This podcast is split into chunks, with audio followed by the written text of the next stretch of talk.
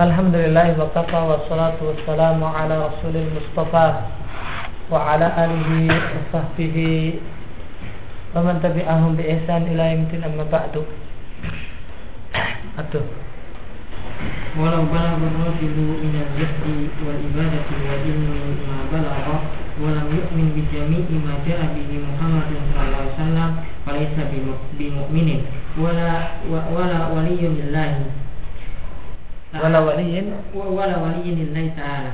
Kal ahbari warrahbani warrahbani min ulama al-yahudi wan nasara wa kufarihim wa kadzalika al-muntasibuna ila al-ilmi wal ibadati min al-musyrikina musyrikil arabi wa turki wal hindi wa ghairihim famakana min hukama al-hindi wa turki walahu ilmun aw zuhdun aw ibadat wa wa ibadatun fi dinihi wa laysa mu'minan bi jami'i ma ja'a bihi Muhammad sallallahu alaihi wasallam fa huwa kafirun aduwwun lillahi wa in zanna ta'ifatuhu annahu waliyun lillahi. Kama kana hukama'ul fursi wal majusi kufaran majusan. Wa kadzalika hukama'ul yaunani mislu a, mislu arsatu. Arustu arustu mis, mislu ar, arustu wa ansaluhu amsalihi. wa amsalihi. Kanu musyrikina ya'buduna asnama wal kawakiba. Wa kana arustu qabla al-masih alaihi salam bi salasi mi'ati bi salasi mi'ati sanatin.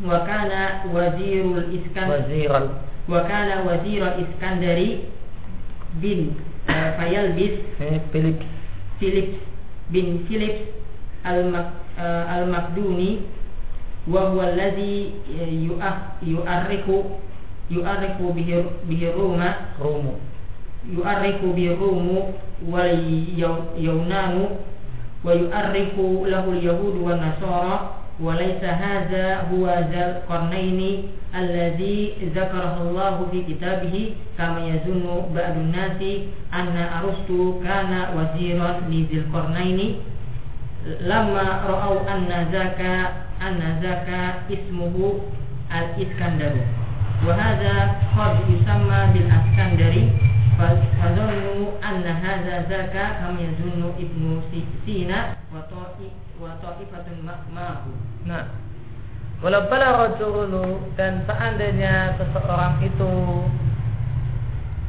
demikian luar biasa minazuhdi dalam masalah zuhud dan ibadah dan ilmu ma balagha lah begitu luar biasa sehingga sampai derajat ma balagha yang dia sampai. Walam yu'min akan tetapi dia tidak beriman dengan semua ajaran Muhammad Sallallahu Alaihi Wasallam maka dia bukanlah seorang mukmin, bukan pula seorang wali Allah. Bagaimana ahbar waruhban, bagaimana ahbar ulama-ulama Yahudi waruhban dan rahib-rahib itu ulama-ulama Nasrani. Yaitu dari ulama-ulama Yahudi dan Nasrani dan ahli ibadah mereka Demikian pula orang-orang yang menisbatkan diri kepada ilmu dan ibadah. Yaitu orang-orang yang dinilai orang yang berilmu dan orang rajin ibadah. Namun dari kalangan orang-orang musyrik Baik musyrik Arab, musyriknya Turki, India dan yang lainnya. Famangkana min hukamil Hindi wa Turki Maka para hukama para filosof dari eh, dari India dan Turki walau ilmun karena dia filosof tentu maka dia memiliki ilmu. Dan zuhud serta ibadah dalam agamanya boleh mukminan namun dia tidak beriman dengan semua ajaran Muhammad Sallallahu Alaihi Wasallam maka dia adalah kafir musuh Allah. Meskipun kelompoknya mengira kalau dia adalah wali Allah.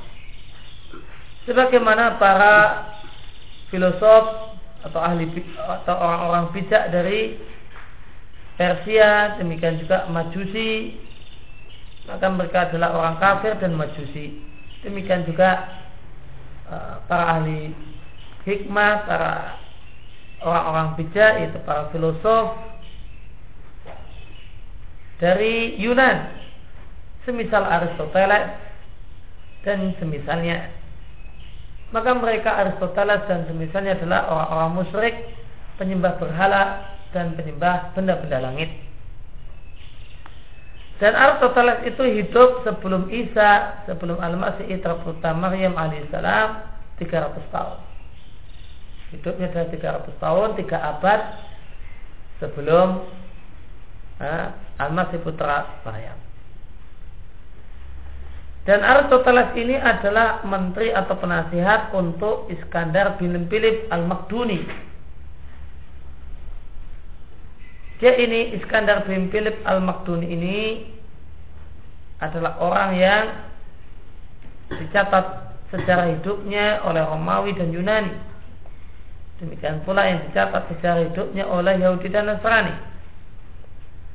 Dan Iskandar bin Philip Al-Makduni ini bukanlah Zulkarnain yang Allah ceritakan dalam kitabnya di surat Al-Kahfi sebagaimana praduga sebagian orang sebagian orang punya praduga bahwasanya Aristoteles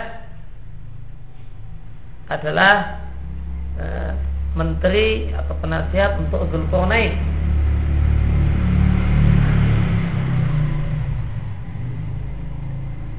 Ketika mereka melihat bahwasanya itu itu Iskandar bin Philip namanya adalah Iskandar sedangkan ini yaitu Zulkarnain Katisama boleh jadi terkadang dinamakan dengan Iskandar Fadhanu maka mereka mengira bahasanya Iskandar bin Philip adalah Zulkarnain.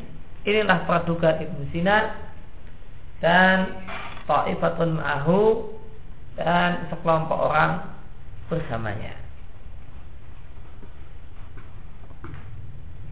Maka akidah Ibnu Sina ini keyakinan Ibnu Sina ini uh, tersebar di kalangan kaum muslimin di tempat kita maka di sini ada penjelasan dari Syekhul Islam kalau ini adalah satu hal yang tidak benar.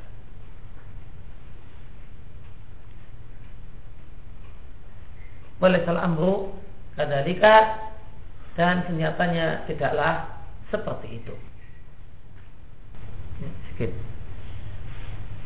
وليس الأمر كذلك بل هذا الإسكندر المسلك الذي كان أرسطو وزيره متأخر عن ذاك ولم يبني ولم يبني هذا السد ولا وصل إلى بلاد يأجوج ومأجوج وهو الإسكندر الذي كان أرسطو من من وزرائه.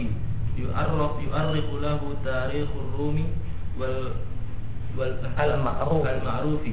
المعروف. تاريخ الروم المعروف. وفي أصناف المشركين من مشرك العرب ومشرك الهند والترك واليوناني. وغيرهم من له اجتهاد في العلم والزهد والعبادة. walakin laisa yattabi'ur rusul yattabi'ur rusula wa la yu'minu bima ja'u bihi wa la yusaddiquhum bima akhbaru bihi wa la yuti'uhum bima amaru. Fa haula'i laisu bimu'minina wa la awliya'un lillahi wa haula'i taqtarinu bihim syayatinu wa tatanazzalu alaihim wa yukashifuhu fa yukashifuna an-nasa bi ba'dil umuri wa lahum تصرفات خارقة من جنس السحر وهم من جنس الكهان والسحرة. سحرة. والسحرة. الذين تتنزل عليهم الشياطين. قال الله تعالى هل أنبئكم على من من تنزل الشياطين تنزل على كل أفاك أثيم يلقون السمع وأكثر وأكثرهم كاذبون. wasyu'ara'u yattabi'uhumul ghabuna alam tara annahum fi kulli wadin yahimuna wa haula'i jami'uhum alladziina yantasib yan, yat, yat, yantasibuna ila mukasafati wa khawariqil adati idza lam yakunu muttabi'ina lirrusul rusuli fala budda an yukadzibu wa tukadzibhum syayatinuhum fala budda an yakuna fi fi a'malihim ma huwa ithmun wa fujurun mislu naw'in min nasyirki wa dhulmi aw dhulmi aw fawahishi aw ghuluwi aw bid'ah fil ibadati salah amru kadzalika dan senyatanya tidaklah seperti itu Iskandar bin Philip al-Makduni itu berbeda dengan Zulkarnain. Balada Ilsan al-Musrik bahkan Iskandar yang Musrik yang Aristoteles merupakan menterinya itu munculnya belakangan setelah Zulkarnain.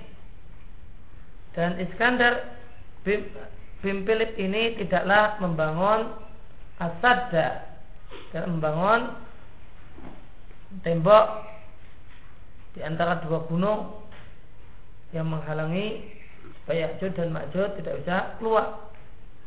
Walau sholat tidak pula Iskandar tersebut sampai ke negerinya Ya'jud dan Ma'jud. Dan Iskandar yang Aristoteles merupakan salah satu menterinya itulah orang yang dicatat sejarah hidupnya oleh sejarah Romawi al-ma'ruf yang telah dikenal wa fi asnafil musyrikin dan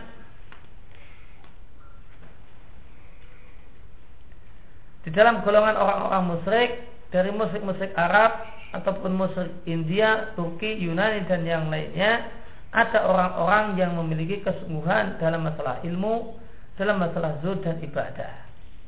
Akan tapi dia bukanlah seorang yang mengikuti para rasul dan tidak pula beriman dengan ajaran yang dibawa oleh para rasul falisadikum fima akhbaru bihi.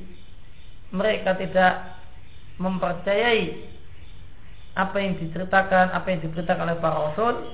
Tidak pula mentaati fima amaru apa yang diperintahkan oleh rasul. Maka mereka karena demikian keadaannya bukanlah orang-orang yang beriman bukan pula wali-wali Allah. Bahkan mereka mereka adalah taktarin bim syayatin adalah orang yang menjadi temannya setan ditemani oleh setan. Taktarin dari dari korin artinya teman. Watanazal alaihim dan setan pun turun untuk menjumpai mereka. Karena dia menjadi temannya setan maka orang ini bisa menampakkan kepada orang-orang di sekelilingnya di umur sebagian perkara. Walahum tasarrufat dan mereka punya tindakan-tindakan yang khariqah. Ya, khariqah yang luar biasa. Kemampuan-kemampuan yang luar biasa namun kemampuan luar biasa dari orang-orang semacamnya adalah min jinsi sihri adalah bagian dari sihir. Sedangkan mereka adalah bagian dari dukun dan tukang sihir. Yang tanazal alaihim syayatin yang setan turun untuk menemui mereka.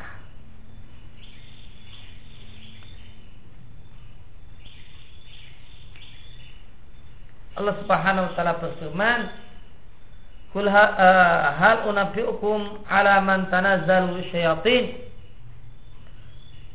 Maukah aku beritakan kepada kalian tentang orang yang setan itu turun pada mereka? tanazzalu ala kulli afakin ya setan itu turun menemui setiap afak ai para pembohong asim yang banyak dosa. Itu dukun. Yulkuna as-sam'a. Setan itu memberikan kepada menyampaikan kepada dukun-dukun tersebut wali-walinya.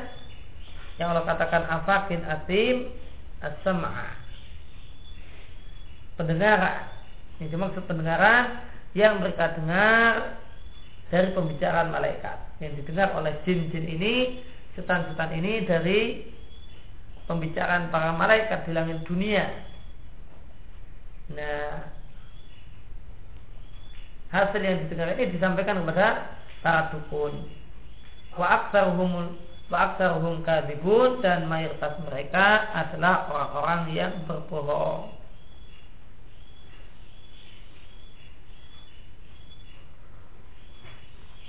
Artinya mereka tambahkan oleh setan itu ditambahkan kepada apa yang dia dengar dari pembicaraan malaikat ditambahi dengan kebohongan yang banyak. Namun ini bisa dilakukan sebelum langit itu e, dijaga dari setan. Karena setelah Nabi Shallallahu Alaihi Wasallam diutus, maka langit itu dijaga ketat. Siapa yang cepat main-main maka akan dilimpah dengan bintang. Dan sebelumnya setan itu leluasa dekat-dekat ke langit dunia.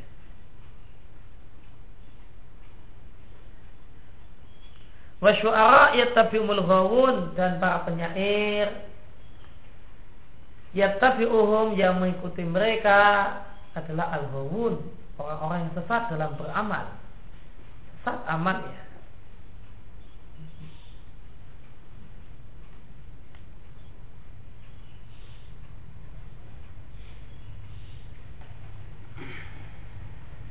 Maka orang-orang yang mengikuti para penyair ini pun mengucapkan apa yang dikatakan oleh penyair yaitu syair dan meriaskannya maka mereka adalah orang-orang yang tercela. Alam tidakkah engkau tahu annahum fi kulli wadin bahwasanya mereka itu di setiap lembah yahimun Nah, lembah di sini kalau tafsir jalan lain dimaknai bukan lembah konkret namun lembah abstrak. Lembah di sini bukan lembah konkret namun lembah abstrak. Itu lembah-lembah pembicaraan dan ragam pembicaraan.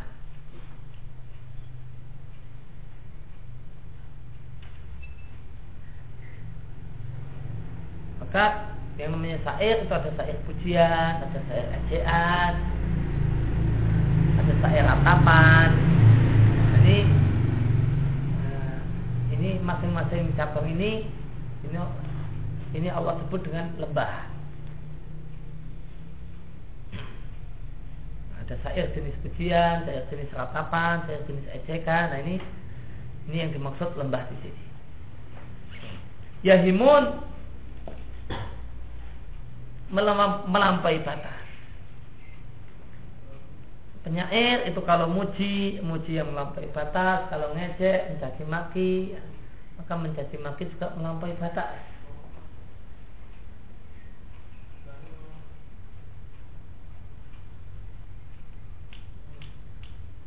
Dan terusnya ayat Allah katakan wa anahum yaquluna ma la yaf'alun dan punya penyair dan misal penyair penyanyi Ya, adalah mengatakan apa yang tidak mereka lakukan alias bohong.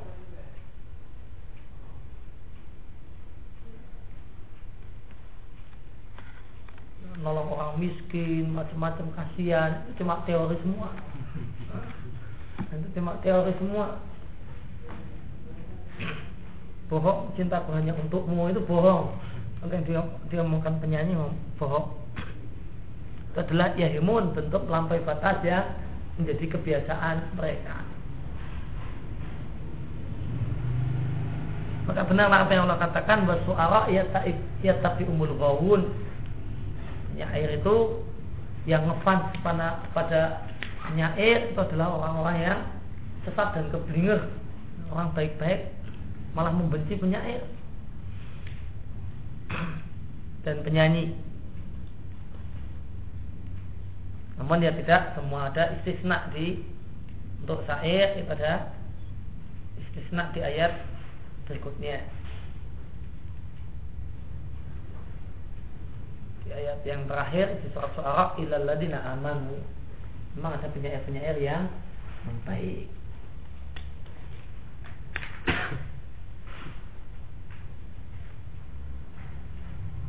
Wahai ulak jam'uhum maka mereka mereka semua mereka yang menisbatkan diri kepada kasyaf muka syafah artinya dinilai punya kasyaf dan menisbatkan diri pada khawarikul adat kemampuan luar biasa yaitu dinilai punya kemampuan luar biasa. Jika mereka bukanlah orang-orang yang mengikuti para rasul fala buddha maka pastilah mereka itu dibohongi oleh setan. Yukazabun mereka itu dibohongi yaitu dibohongi oleh setan-setan mereka. Wala buddha dan pastilah amal mereka itu ada yang dosa wal fujur dan dosa.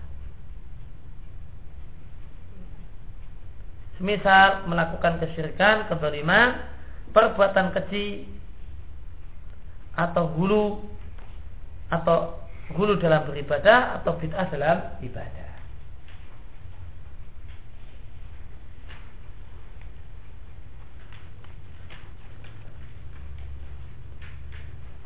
Maka uh, Syekhul Islam Taimiyah menjelaskan di uh, dua halaman ini bahasanya tolak ukur wali itu bukanlah orang yang rajin ibadah. Sebagian orang nilai yang dimaksud wali Allah itu kalau orang itu suka ibadah, rajin berzikir, komat kamit mulutnya dengan zikir, wah itu wali. Atau wali itu adalah orang yang zuhud kelihatan, ya zuhud, nggak senang sama dunia, memelas kiri, ya, wali. Ini definisi yang ada di benak banyak orang. Kalau wali adalah orang yang zuhud, melihat orang yang zuhud, wah ini wali. Kalau ada lihat orang yang rajin ibadah, rajin berpikir, rajin sholat, rajin puasa, maka wali.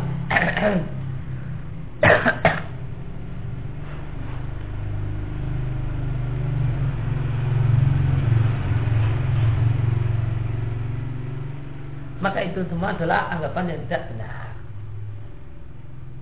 Kalau tolak ukur wali adalah semacam itu, maka beliau contohkan atau orang musik India, ya, para uh, orang-orang Hindu, orang-orang Buddha, masa Allah zuhudnya biku-biku nggak boleh makan daging itu aturan biku. Nah, harus makan sayur-sayuran nggak boleh bunuh bunuh apa pun. Wah pakaiannya cuma itu itu aja. Nggak tahu aslinya. Kotakan dia enggak? Maka para biku-biku itu kalau dalam masalah zuhud jangan ditanya. Bukan mau Hindi para biku-biku atau para pendeta-pendeta e, India atau para biku-biku Buddha luar biasa. Apa itu? Wali. Karena tolak ukurnya zuhud tidak. Dalam masalah kesungguhan beribadah, pendeta-pendeta juga sungguh-sungguh doa, ibadah, bangun malam, macam-macam. Kalau telah ukur wali adalah yang rajin bangun malam, eh, yang beribadah dengan cukup hebatnya, itu alibadah alibadah Nasrani dan yang lainnya itu enggak itu malah lebih hebat daripada kebanyakan orang Islam. Apa mereka wali? Bukan.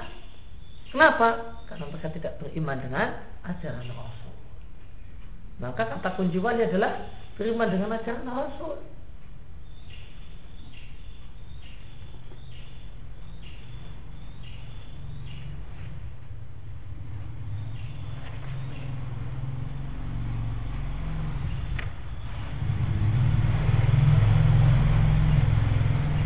Kemudian terakhir di paragraf terakhir beliau memberikan e, bantahan untuk orang yang memiliki definisi wali itu adalah orang sakti.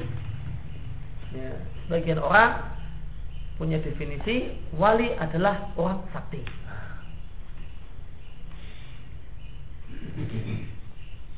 Maka ketika ada orang itu punya kasat, itu bisa kasat itu terbukanya tirai roib Nah, kalau orang itu bisa ngeramal-ngeramal, nebak-nebak, atau punya khawarikul ada, punya kemampuan luar biasa, bisa terbang, bisa jalan di atas air, makan silat nggak empan, wah ini wali.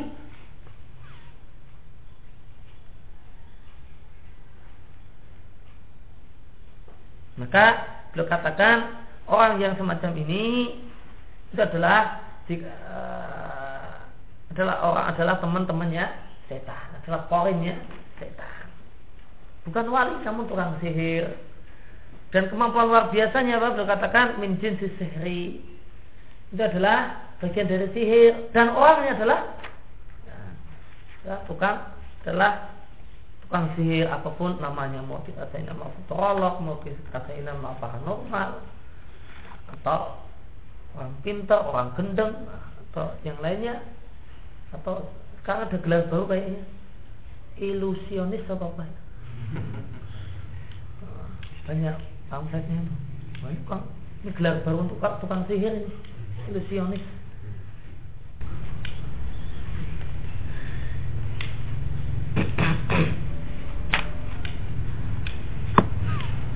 Amin.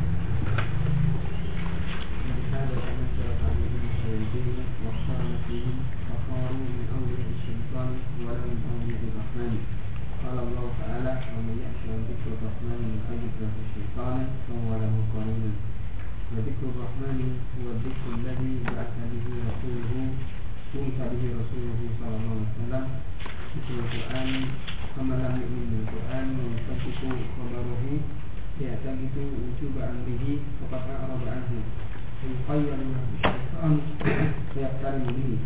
قال تعالى وهذا ذكر مبارك أنزلناه أفأنتم له منكرون؟ وقال تعالى ومن أعرض عن ذكري فإن له معيشة ضنكا ونحشره يوم القيامة أعمى قال ربي لم حشرتني أعمى وقد كنت بصيرا. قال كذلك أتتك آياتنا فنسيتها وكذلك اليوم تنسى فدل ذلك على أن ذكره هو آياته التي أنزلها.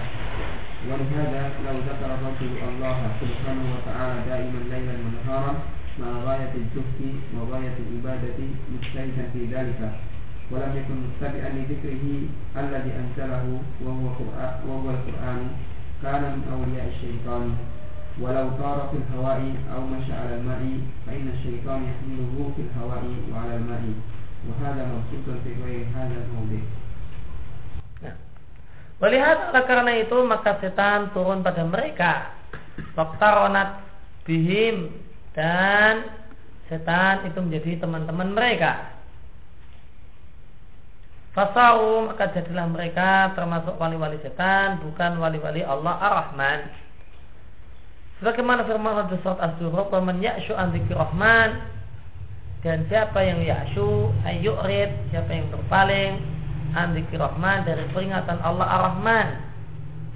Nuqayyid lahu syaitanan maka nuqayyid Muqayyid di tafsir jalan lain dimaknakan nusabib maka akan kami sebabkan lahu syaitan untuknya setan fawalahu qarin sehingga setan itu menjadi temannya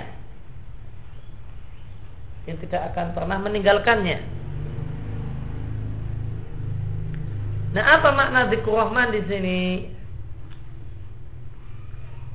Makna dzikr Rahman dalam ayat ini dan ayat-ayat yang semisal itu ada dua penafsiran ulama sebagaimana dikatakan oleh Ibnu Qayyim di tafsir Al-Qayyim.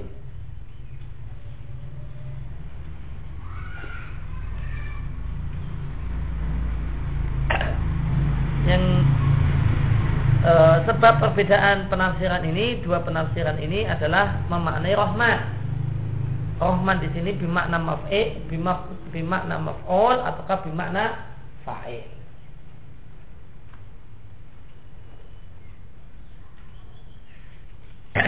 Penafsiran yang pertama mengatakan Ar-Rahman di sini bimakna maf'ul. Ya, karena jika masdar itu mudhaf maka mudhaf kepada masdar itu mungkin maknanya fa'il dan mungkin maknanya maf'ul. Secara makna, bukan secara secara lafaz lafaznya secara lafaz statusnya yang mudhaf ilaih namun secara makna maka bisa bermakna maf'ul dan bisa bermakna fa'il Nah, penafsiran yang pertama mengatakan Ar-Rahman di sini bermakna maf'ul. Azikir Rahman. Artinya orang pelakunya adalah orang sedangkan Allah jadi objek. Zikir Rahman adalah seorang yang mengingat Allah. Mengingat dan menyebut nama Allah. Maka di sini Ar-Rahman sebagai objek. Fa'ilnya adalah manusia. Maka barang siapa berdasarkan penafsiran ini, maka barang siapa tidak mau berpikir mengingat Allah. Nukait lahu syaitan. Kemudian penafsiran yang kedua, Ar-Rahman di sini bermakna al-fa'il.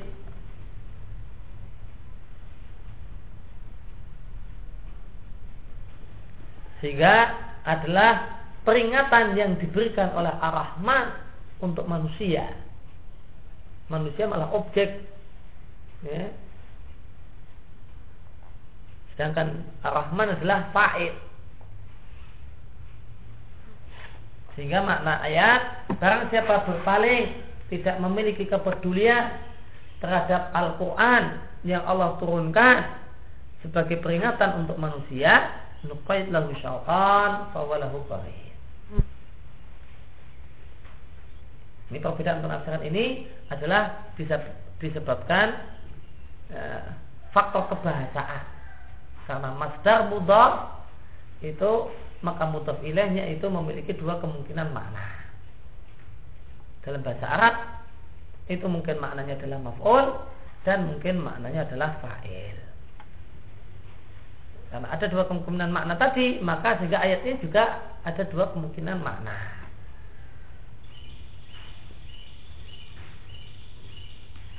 Nah dari dua penafsiran tentang Ar-Rahman di sini kita lihat di sini Syekhul Islam Taimiyah memilih pendapat yang kedua. Bahasanya Ar-Rahman adalah fa'il, bermakna fa'il. Dan pendapat ini juga yang dipilih oleh Ibnul Qayyim di tafsir Al-Qayyim.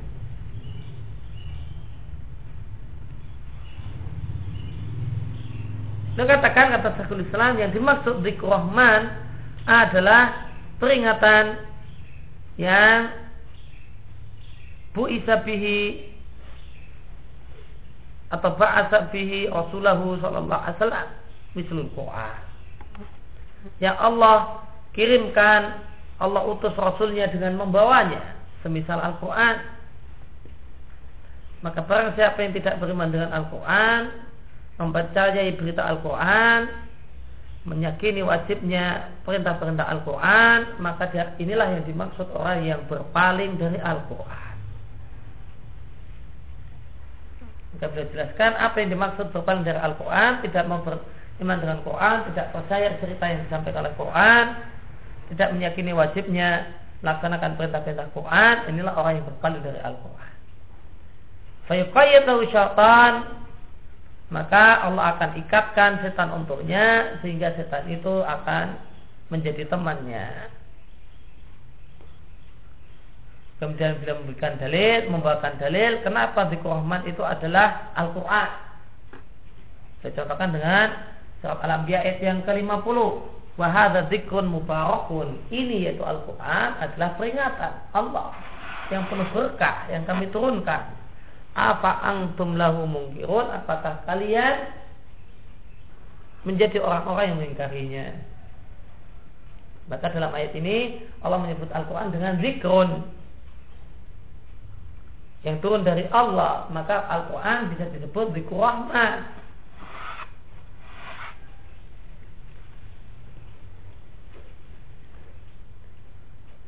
Demikian juga di surat Toha Allah mengatakan waman a'radu an dzikri barang siapa yang berpaling an dzikri dari peringatanku fa inna lahu ma'isyatan dongka nah, maka zikir di sini nah, terdapat perbedaan pendapat tentang maknanya sebagaimana zikr rahman di ayat az-zukhruf ada dua pendapat sama. Ada yang memaknai barang siapa yang tidak mau berzikir mengingat aku ingat aku Allah. Dan pendapat yang kedua barang siapa yang berpaling tidak mau peduli dengan peringatan yang aku turunkan yaitu Al-Quran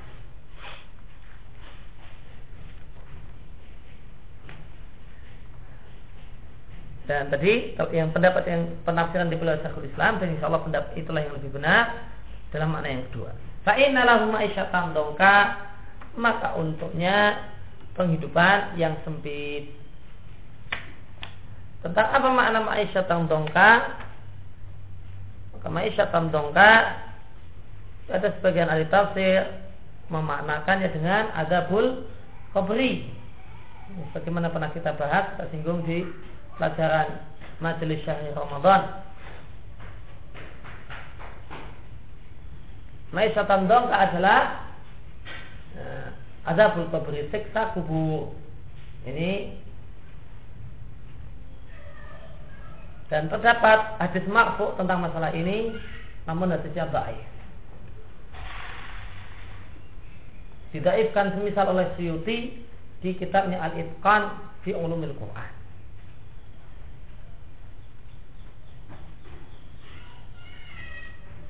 Kita ketika membahas tentang uh, hadis-hadis yang merupakan tafsir dari Nabi untuk lafal-lafal dari ayat-ayat Al-Quran.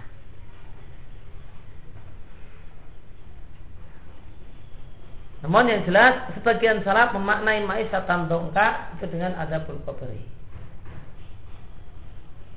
Alasannya kenapa ma'isyatan dongka adalah adabul qabri adalah kelanjutan ayat karena ayat selanjutnya adalah berkaitan dengan masalah kiamat wa nahsuhu yaumal qiyamati ahma.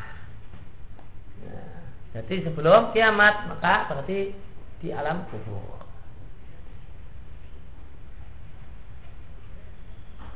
Namun pendapat yang benar yang lebih tepat ma'isyatan dongka itu bersifat umum maka penghidupan yang sempit di dunia di alam kubur dan yaumul qiyamah. Bagaimana dipilih oleh Sabtu Rahman di tafsirnya Demikian pula di, uh, bagaimana dikatakan oleh Muslimin di majalis Syahri Ramadan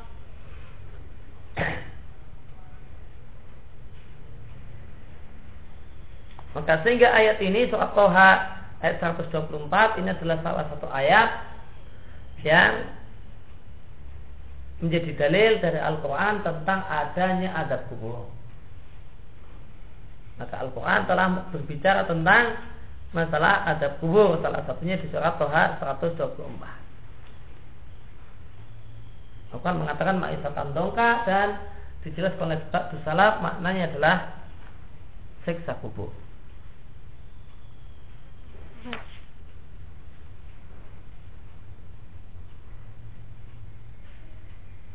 Demikian juga di tafsir jalan lain dikri di sini dimaknai dengan Quran maka sama dengan Syekhul Islam.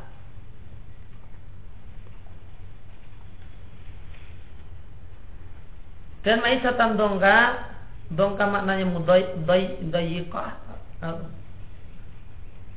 Kemudian di tafsir jalan dikatakan ditafsirkan dalam hadis ini maksud maisatan dongka adalah adabnya orang kafir di kuburnya. Kemudian di cetakan saya ada penjelasan di catatan kaki. Nah, hadisnya adalah dilihatkan oleh Ibnu Abi Hatim dari Abu Hurairah. Nah, dan Ibnu Katsir berkomentar tentang hadis ini setelah menyebutkan hadis yang mengatakan ma'isyatan dongka maknanya adalah ada kubur. Komentarnya Ibnu Katsir, rafuhu mungkarun jiddah.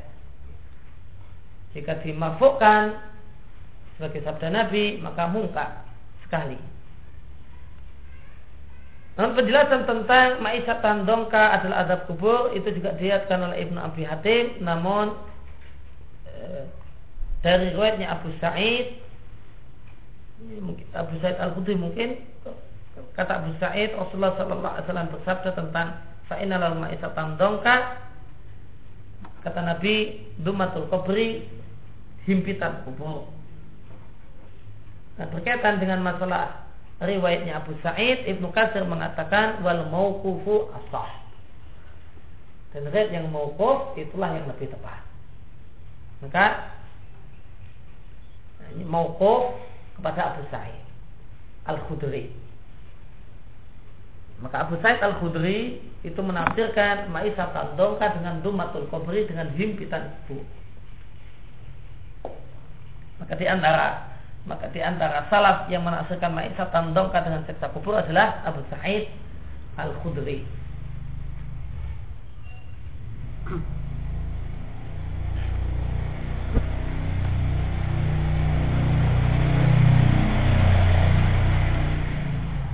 Wanasuh dan akan kami kumpulkan orang yang berpaling dari Al-Quran pada kiamat Ahmad dalam keadaan buta Yaitu benar-benar buta matanya. Nah ini tentu lebih ngeri lagi Orang melek ketika terjadi bencana Itu bingung ketakutan. Orang buta gimana kasarnya? Gempa Jogja Melek saja bingung. Gimana yang buta? Melek yang melek saja bingung gimana dengan yang betul gimana ini? Orang kok ribut sekali semua? Ada apa ini? Nah, yang melek saja bingung gimana yang buta kalau Rabbi lima hasabani a'ma wa kuntu basira. Wahai Rabbu, kenapa engkau kumpulkan aku dalam kondisi buta Sedangkan dulu aku bisa melihat? Dulu itu kapan dulu? Ini di tafsir lain Itu maksud dulu adalah di dunia dan pada saat awal bangkitnya.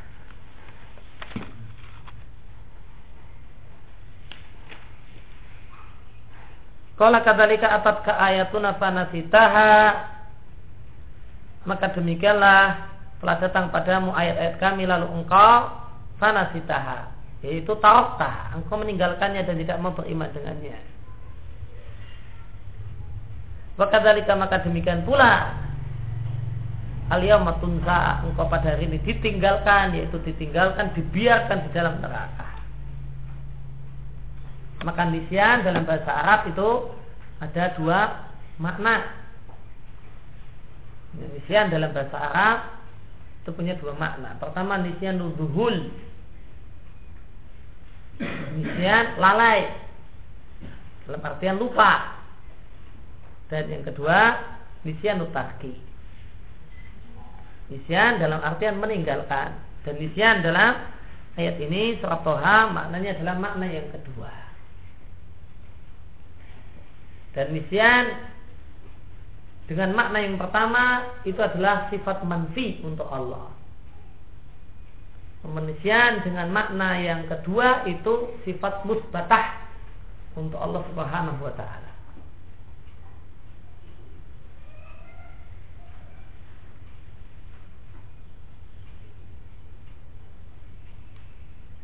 Yang ingat ayatnya? Yang menetapkan sifat nisyan untuk Allah dengan makna yang kedua. Nisyan utaki.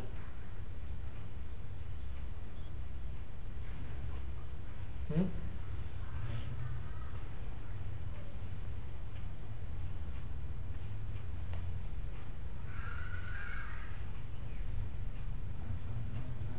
Hmm?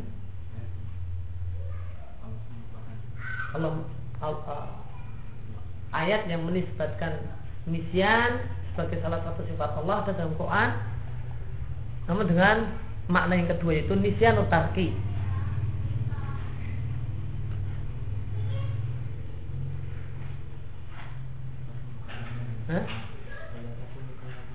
Wala takunu nasullaha fa'angsahum anfusahum. Enggak. Karena kalian sebagaimana orang yang melupakan dirinya sendiri, kemudian Allah membuat mereka lupa terhadap dirinya sendiri. Bukan. Saya ada. Ya.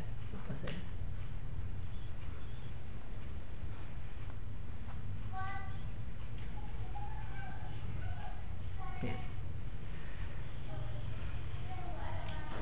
Nah, maka setelah beliau membawakan ayat-ayat ini dan beliau menegaskan, padahal zalika maka ayat-ayat di atas menunjukkan bahasanya yang dimaksud zikrullah atau zikrul rahman adalah ayat-ayat yang Allah turunkan Ini dalil uh, istidlal dengan nakli yang disampaikan oleh Syekhul Islam untuk mengatakan bahwa zikr Rahman adalah Al-Quran. Kemudian beliau membawakan dalil akli. Walihada lau. Oleh karena itu seandainya ada seorang yang mengingat nama Allah, daiman lailan wa nahara, terus menerus umat kami mulutnya malam dan siang. Ma'awayatul zuhdi diiringi dengan sikap zuhud, Wawayatul ibadati dan ibadah yang sungguh-sungguh mujtahidan fidali dan bersungguh-sungguh dalam hal tersebut. Namun walam yakun muttabi'an li dzikrihi. Namun dia tidaklah mengikuti peringatan Allah yaitu Al-Qur'an yang Allah turunkan bahwa Al-Qur'an maka orang ini adalah min auliya syaitan adalah wali setan sama persis dengan apa yang Allah katakan. Nuqayyid lahu syaitan fawalahu qarin. Orang mulutnya komat kami zikir pegang tasbih yang gede-gede lagi. Bahkan perlu dikalungkan uh, untuk mulutnya komat kami panjang hari dengan zikir namun dia tidak mengamalkan Quran. Bahkan berpaling dari Quran maka statusnya apa? oleh setan. Jika wali setan maka dekat dengan setan maka itulah nufayid lahu syaitan fawalahu qarin maka ternyata orang yang zikir kepada Allah bisa-bisan namun berpaling dari Al-Quran itu adalah korinnya setan setan jadi korin untuknya teman untuknya maka ini menunjukkan bahasanya yang dimaksud bahwa ya zikir rahman itu bukan mengingat Allah dalam artian berzikir mengingat Allah.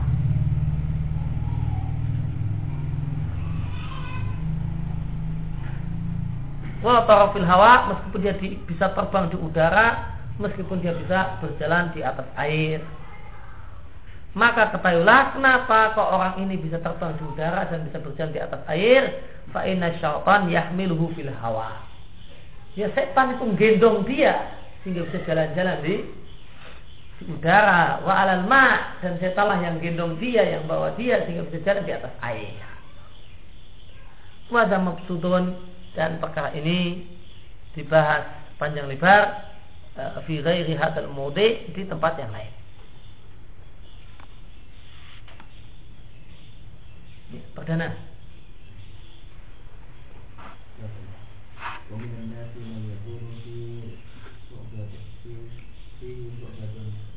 Syubhatu imanin.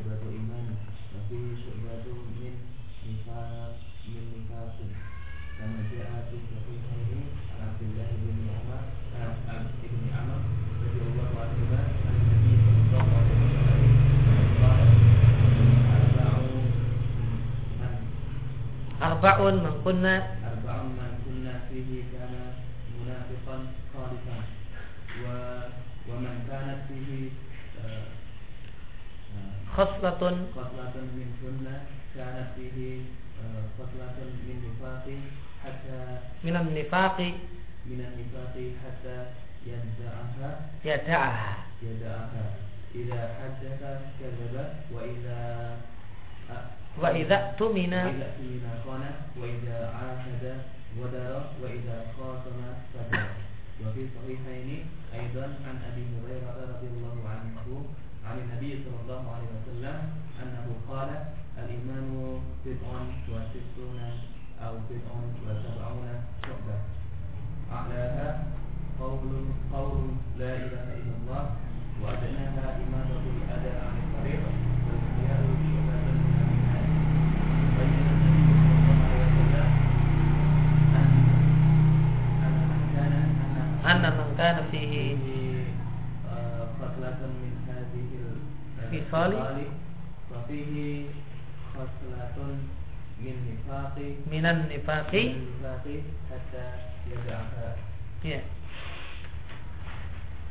Waminan nasi dan di antara manusia ada pada dirinya cabang iman dan ada pada dirinya cabang nifak dan nifak adalah kufur.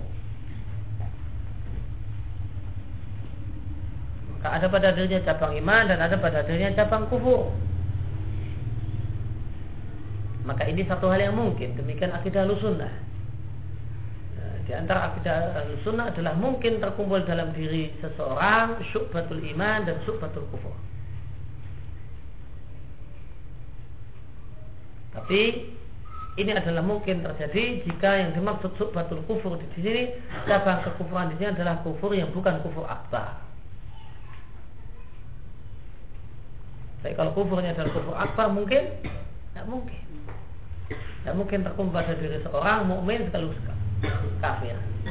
Mukmin setengah mukmin setengah kafir itu ada.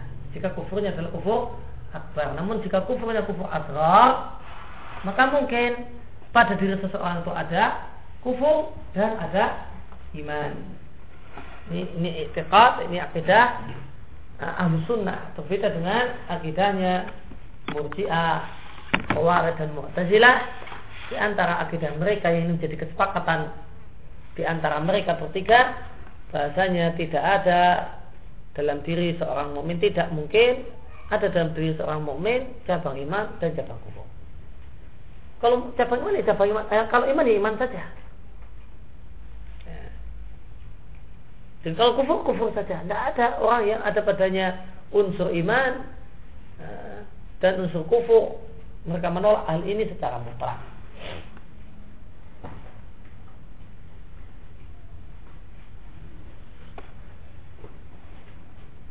Hal ini disebabkan karena mereka tidaklah mengakui kalau iman itu bercabang. Disebabkan mereka tidak mengakui kalau iman itu bertambah dan berkurang. Karena iman menurut mereka tidak berjalan. Karena iman menurut mereka itu satu kesatuan. Cuma ada dua pilihan, ada iman atau hilang iman. Tidak ada yang namanya berkurang iman. Ini akidahnya murjiah, khawarij dan mu'tazilah. Maka iman itu satu kesatuan. Hilang sebagian dengan melakukan dosa, maka hilanglah iman secara keseluruhan. Misal dengan pandangan Khawarij dan Mu'tazilah. Maka tidak ada ada iman dan ada kufur. Dan karena sunnah berkeyakinan bahasanya iman itu bercabang dan iman itu bisa bertambah dan berkurang, maka ketika iman itu berkurang, ternyata di sisi cabang nifak, cabang kufur mungkin. Namun ini yang dimaksud al-sunnah adanya cabang kufur. Dalam diri seseorang adalah kufurnya adalah kufur asrar, bukan kufur akbar. Sebagai dalil al-sunnah tentang masalah ini adalah hadis yang dihasilkan oleh Bukhari Muslim dari Abdullah bin Amr radhiyallahu anhuma Nabi Shallallahu alaihi wasallam mengatakan empat sifat. Siapa yang ada pada dirinya maka dia adalah munafik tulen dan siapa yang ada pada dirinya satu dari empat sifat tersebut, maka ada pada dirinya khoslah dengan nifak, satu bagian dari nifak sampai dia tinggalkan. Jika dia bicara maka dia dusta, jika dia diberi amanah dia khianat, jika dia membuat janji dia melanggar janji, dan jika dia berdebat maka dia kelewat batas. Yang dimaksud idza khasama fajara dia berani mengklaim yang bukan haknya dan dia berani mengingkari apa yang jadi hak orang lain.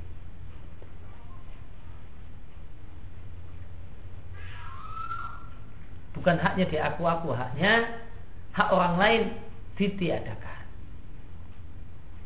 Dalil yang lain, tiap kala berujian muslim juga dari Abu Hurairah anhu, Nabi Shallallahu alaihi wasallam mengatakan, iman itu 60 atau 70 sekian cabang.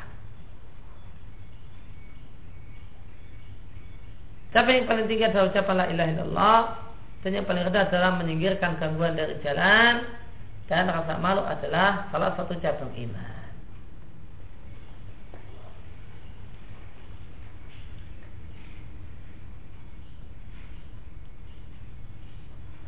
Maka ada ini ada yang kedua menunjukkan iman bercabang-cabang. Maka jika cabang berkurang maka akan dihuni oleh cabang selain bukan cabang iman. Itu cabang kufur. Maka Nabi Shallallahu Alaihi Wasallam menjelaskan barang siapa yang ada pada dirinya salah satu dari hal-hal ini maka ada pada dirinya salah satu unsur nifak sampai dia meninggalkannya.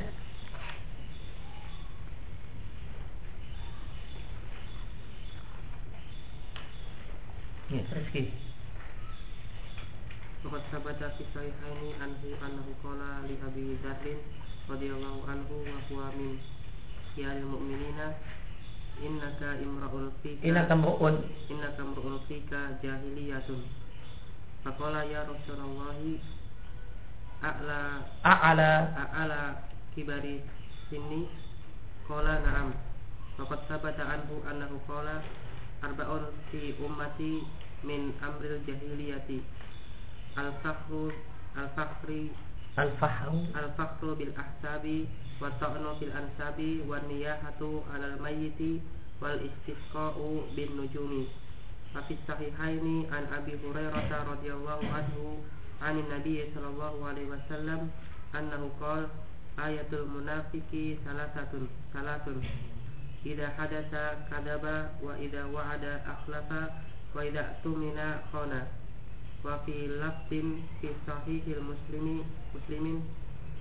Wa in sama wa shalla wa za'ama annahu muslimun. Wa zakara al-bukhari an ibni abi mulaikata annahu qala asraftu salahina min ashabi rasulillah sallallahu alaihi wasallam kullahum yakulluhum kulluhum. Yukhafu nifaqo ala nafsihi. Nah. Terdapat dalam sahihain Bukhari Muslim anhu dari apa? Abu Hurairah. Anakal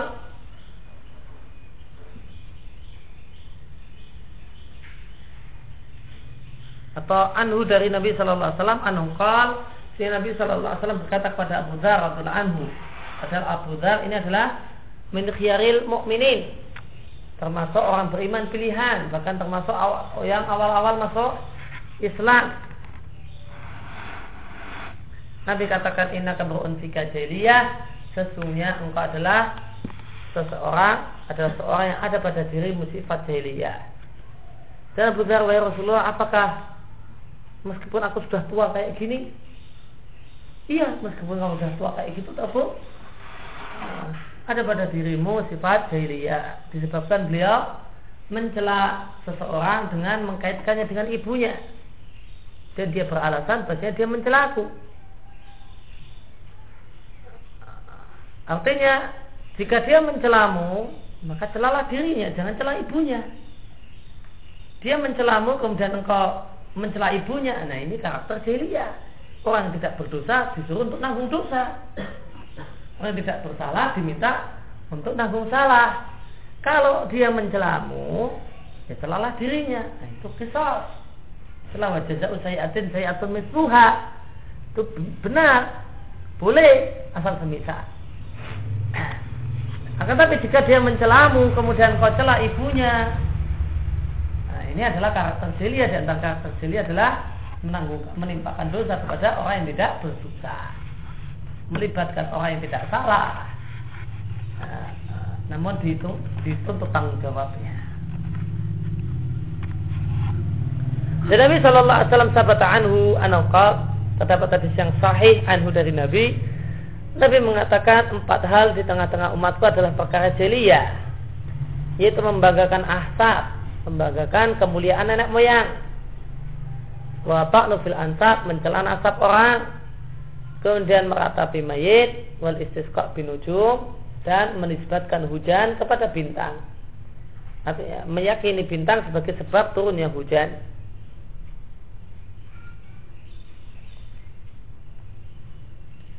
Kemudian dalam Sahihain dalam Bukhari dan Muslim dari Abu Hurairah anhu Nabi Shallallahu Alaihi Wasallam mengatakan tanda orang munafik ada tiga jika bicara dusta, jika berjanji menyelisih dan jika diberi amanah khianat. Maka di sini dalil bahasanya menurut pendapat yang paling kuat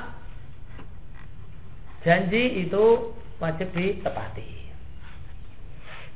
Karena Nabi menjadikan menyelisih janji sebagai tanda munafik. Ini adalah celaan.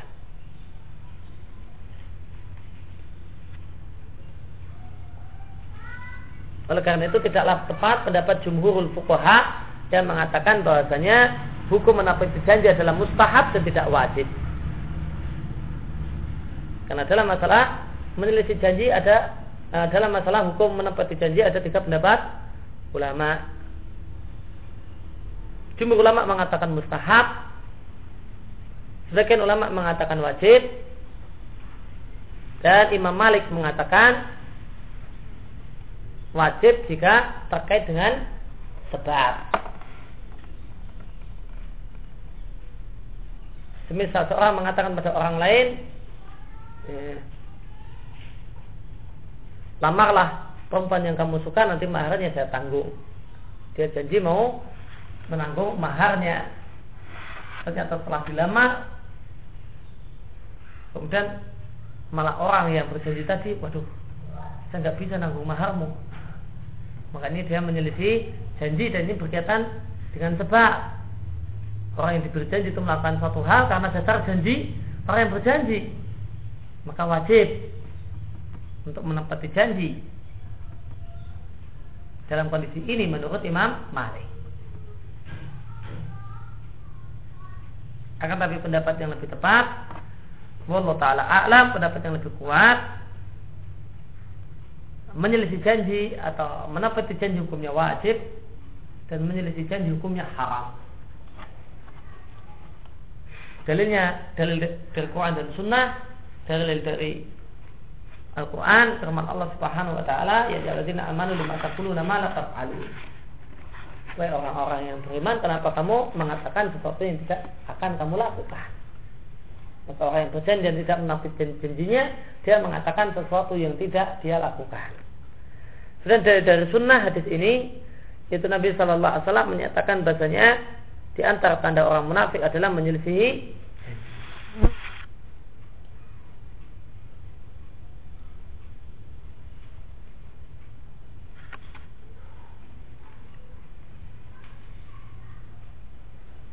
pembahasan ini telah pernah kita bahas ketika kita bahas ya, kita berjamik min buluhil maram dari kitab Taudil Ahkam.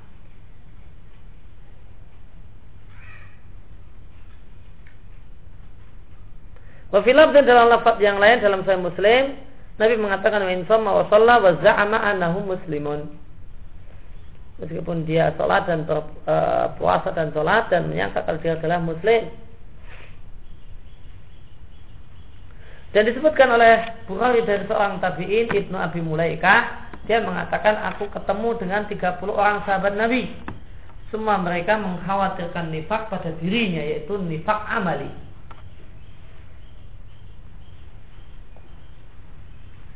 Dia catatan kaki 11 dia oleh dalam sayanya secara mu'allak namun disambungkan itu disebutkan sanatnya oleh Bukhari di kitab yang lain Tarik Kabir, Ibnu Battah di Ibanatul Kubra dan seterusnya.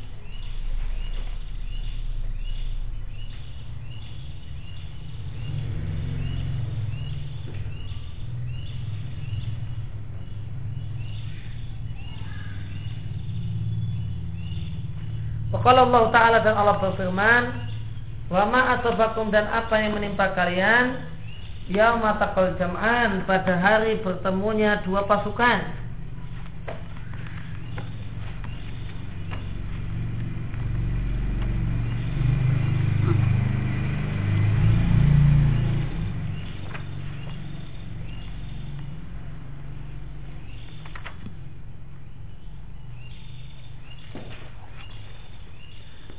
yaitu di perang Uhud. Fabi idnillahi maka itu dengan izin Allah.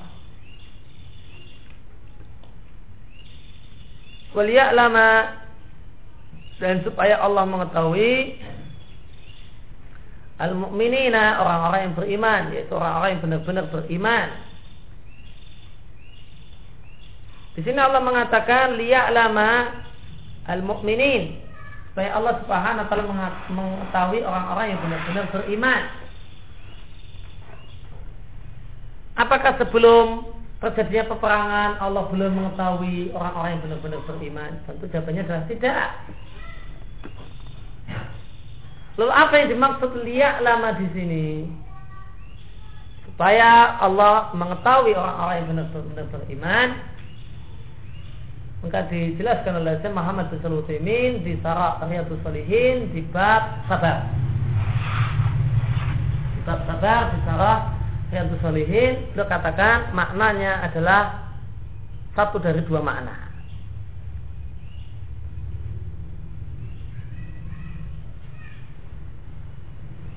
Yang pertama, ini sebagaimana yang pertama sebagaimana tafsir di jalan lain yaitu ilmu di sini adalah ilmu zuhur.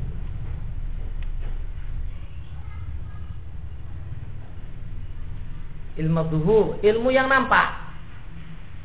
Bukan ilmu yang tersembunyi. Sebelum terjadi peperangan Allah sudah tahu. Siapa orang benar-benar beriman dan orang yang kan beriman Allah ngerti. Namun jika ini kelihatan itu lain. Ilmunya lain dengan ilmu ketika belum kelihatan, belum teruji. Sudah tahu, namun ilmu setelah itu teruji, terbukti, maka itu lain ilmunya berbeda. Nah, ilmu yang ini yang Allah maksudkan, bukan ilmu yang itu.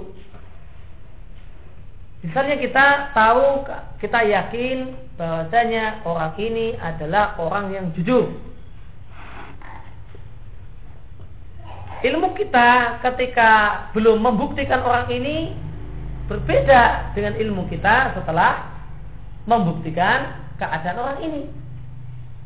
Yakin saya kamu orang jujur, tak yakin. Dan setelah itu dia cerita tentang satu hal kemudian kita buktikan dan memang benar. Maka ilmunya berbeda dengan ilmu sebelumnya ya kan?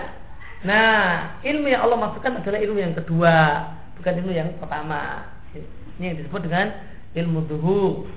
Di tafsir lain di tafsir di makna eh, dijelaskan dengan makna yang pertama ini atau boleh juga dijelaskan sebagaimana kata saya Muslimin di Sarhiyatul Salihin di bab sabar ilmu di sini adalah ilmun yatarattab bi sawab wa iqab.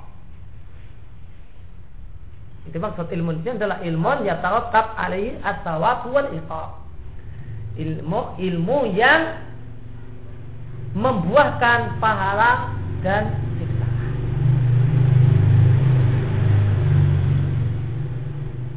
Sebelum diuji, maka sebelum diuji dengan diuji dengan jihad, Allah tahu orang ini adalah orang-orang yang sabar dalam jihad. Namun tidak ada pahala di situ. Tidak ada pahala di situ ya kan? Karena beliau belum berjihad. Namun setelah orang ini berjihad, uh, maka Allah punya ilmu Bahasanya orang ini adalah orang yang sabar berjihad dan ilmu ini adalah ilmu yang ya teratab alaihi sawab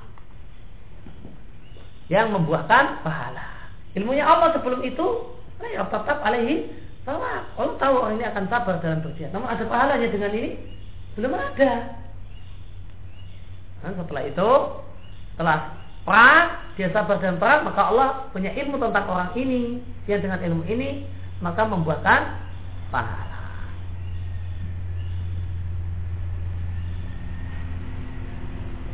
Wali nafaku dan supaya Allah mengetahui orang-orang yang nifak itu mengetahui ilmunya ini adalah ilmu zuhur. Allah tidak kilalah yang dikatakan kepada mereka laman sorofu anil kita ketika mereka itu pulang berbalik dari e, peperangan. Jadi orang-orang munafik ketika mau perang Uhud itu keluarlah kaum muslimin dengan orang-orang munafik. Ketika sudah sampai Uhud, sepertiga tentara yaitu orang-orang munafik ya, atau orang yang terprovokasi orang munafik itu kembali ke Madinah. Sebelum perang sepertiga sendiri.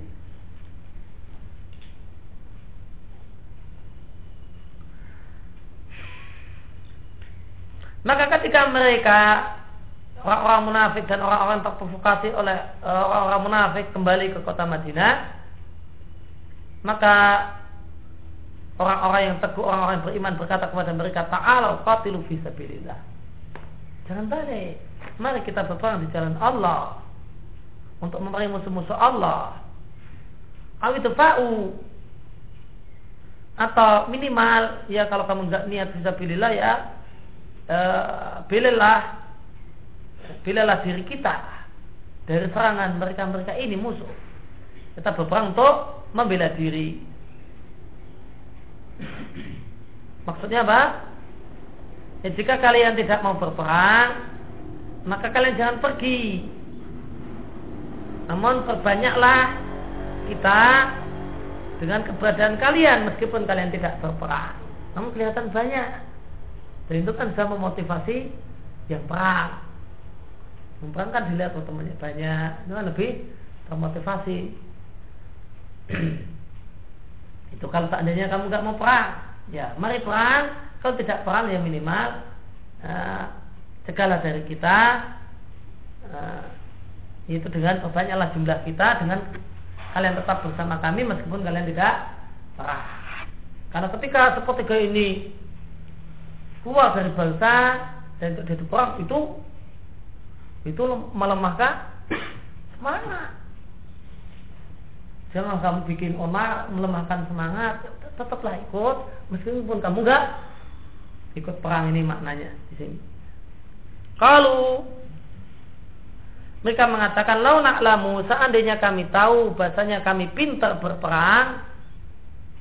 Ya, di tafsir jalan dikatakan seandainya kami tahu bahasanya kami pintar berperang nakum tentu kami akan mengikuti kalian. Dan Allah berfirman mendustakan ucapan mereka hum mereka orang-orang munafik itu kepada kekufuran pada hari itu lebih dekat daripada kepada iman. Di mana mereka menampakkan sikap yaitu tidak mau menolong orang-orang yang beriman sedangkan sebelumnya mereka itu lebih dekat pada iman secara zahir. Ya kulu nabi abahi mereka berkata dengan mulut-mulut mereka fi kulubihim yang tidak ada pada hati mereka. Yaitu perkataan mereka tadi seandainya kami pintar perang kami akan ikut perang wallahu a'lam bima yaktumun Allah tahu apa yang mereka sembunyikan yaitu nifak yang mereka sembunyikan maka sisi pendalian di sini tentang masalah bahasanya pada diri seorang itu mungkin ada padanya cabang iman dan cabang nifak sekaligus. Faqad kana haula ilal kufri akrab minhu lil iman. Dalam ayat di atas Allah katakan bahwa mereka-mereka orang munafik itu lebih dekat pada kekufuran dibandingkan kepada iman. Fa'ulima annahum mukhalitun. Maka kita ketahui bahasanya mereka adalah orang yang bercampur. Dalam diri mereka ada campuran. Dan unsur kekafiran lebih kuat. Sedangkan orang yang selain mereka itu bercampur namun unsur iman yang lebih kuat